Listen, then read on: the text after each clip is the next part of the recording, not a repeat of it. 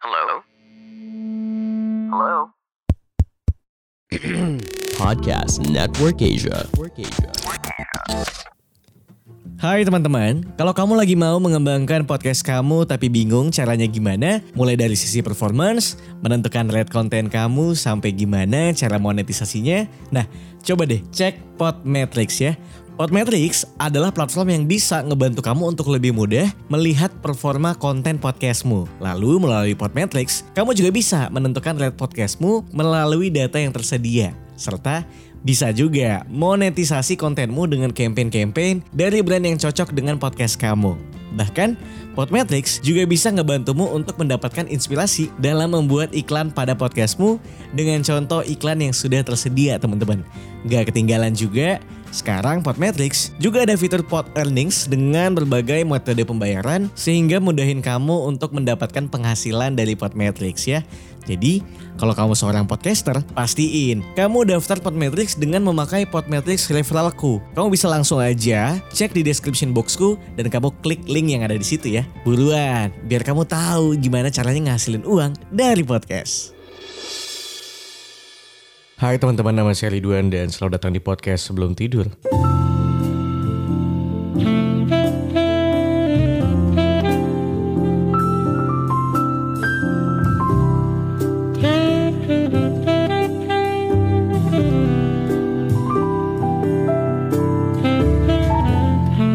Pagi, siang, sore, malam semuanya buat kamu yang lagi mendengarkan ini kapan pun. Semoga selalu sehat walafiat di dalam situasi dan kondisi apa pun ya. Em, termasuk buat kamu yang mungkin sedang berada di dalam hubungan yang tidak sehat. Buat kamu yang mungkin selalu merasa salah sendirian di dalam sebuah hubungan. yang mungkin kadang-kadang sebenarnya disalahkan, tapi sebenarnya kamu tidak salah di dalam sebuah hubungan. Yailah.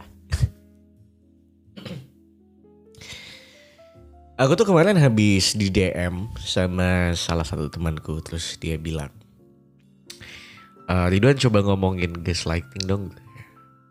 Em, sejujurnya aku pun juga tidak tahu apa itu gas gaslighting ya awalnya. Kayak ya aku pernah dengar tapi tidak pernah tahu apa sih gaslighting gitu. Dan ternyata setelah aku baca-baca em,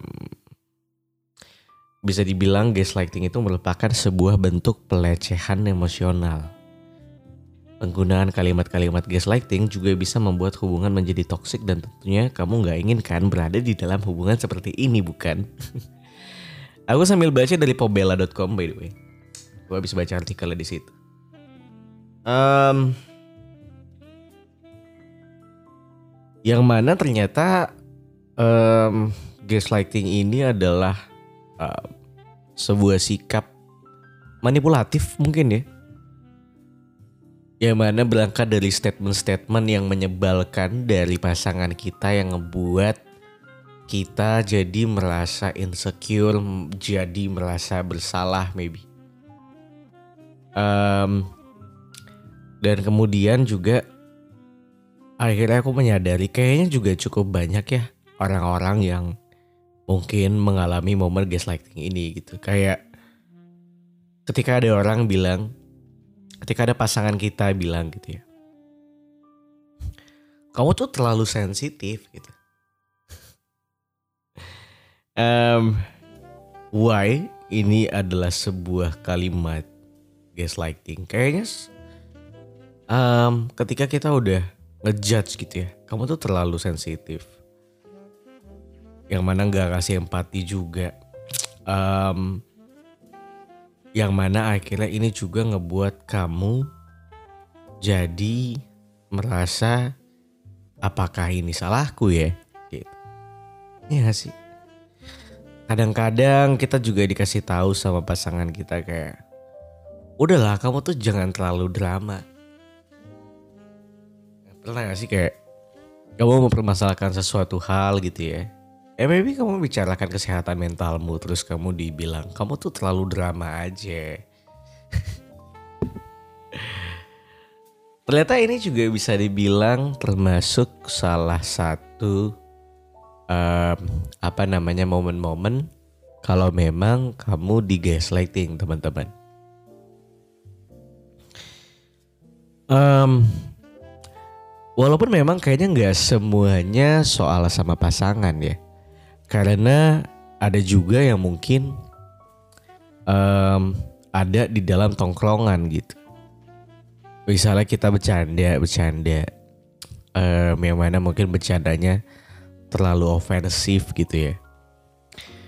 Um, let's say kita bicara fisik bicara personality gitu. Yang mana mungkin kita nggak deket-deket banget katakan lalu um, ketika kita merasa nggak enak gitu ya um, kita merasa tidak nyaman sama sikap atau perkataannya, kadang-kadang mereka cuma ngomong kayak ya itu kan cuma bercanda. I don't know kadang-kadang kayak kita juga perlu kali ya kebatasin bercanda yang benar bukan benar sih. Um, lebih kepada bagaimana menyesuaikan bercanda yang tepat dengan orang yang tepat. I don't know, aku pun juga kayak akhirnya cukup memilah kalau sekarang kayak hal apa yang bisa dijadikan bahan bercandaan gitu karena um, ternyata nggak semua orang bisa menerima bercandaan kita gitu. Ngerti gak sih? So jangan jangan jangan berbuat seenaknya aja sih menurut aku.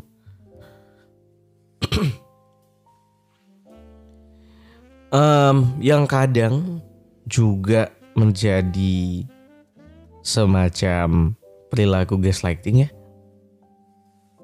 Um, menurutku ketika ada yang bilang masalahnya itu bukan di aku tapi masalahnya mungkin ada di kamu gitu.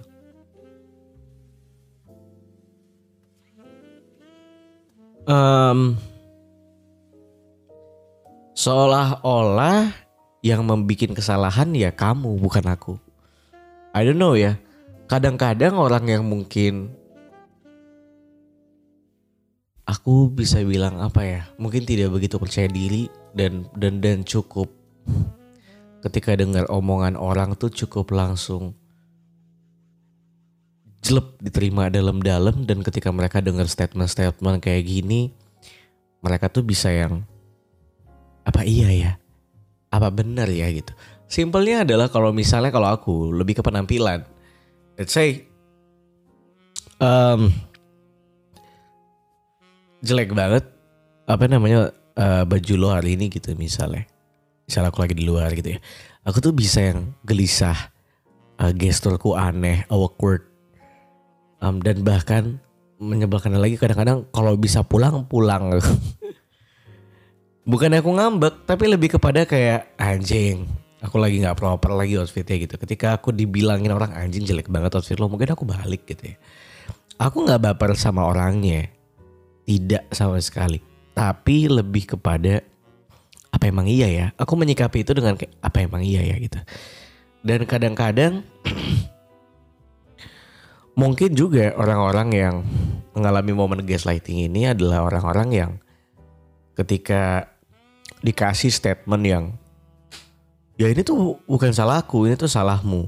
Kamu tuh terlalu banyak drama. Um, kamu tuh terlalu dramatis hal-hal kayak gitu kadang-kadang itu ngebuat mereka apakah memang aku yang terlalu drama? Apakah memang aku yang terlalu baperan? segala macam ah uh, menurutku nggak juga ya. Karena ada yang namanya empati gitu. Bicara empati kayaknya kita semua diajarkan kalau empati adalah hal yang baik gitu ya.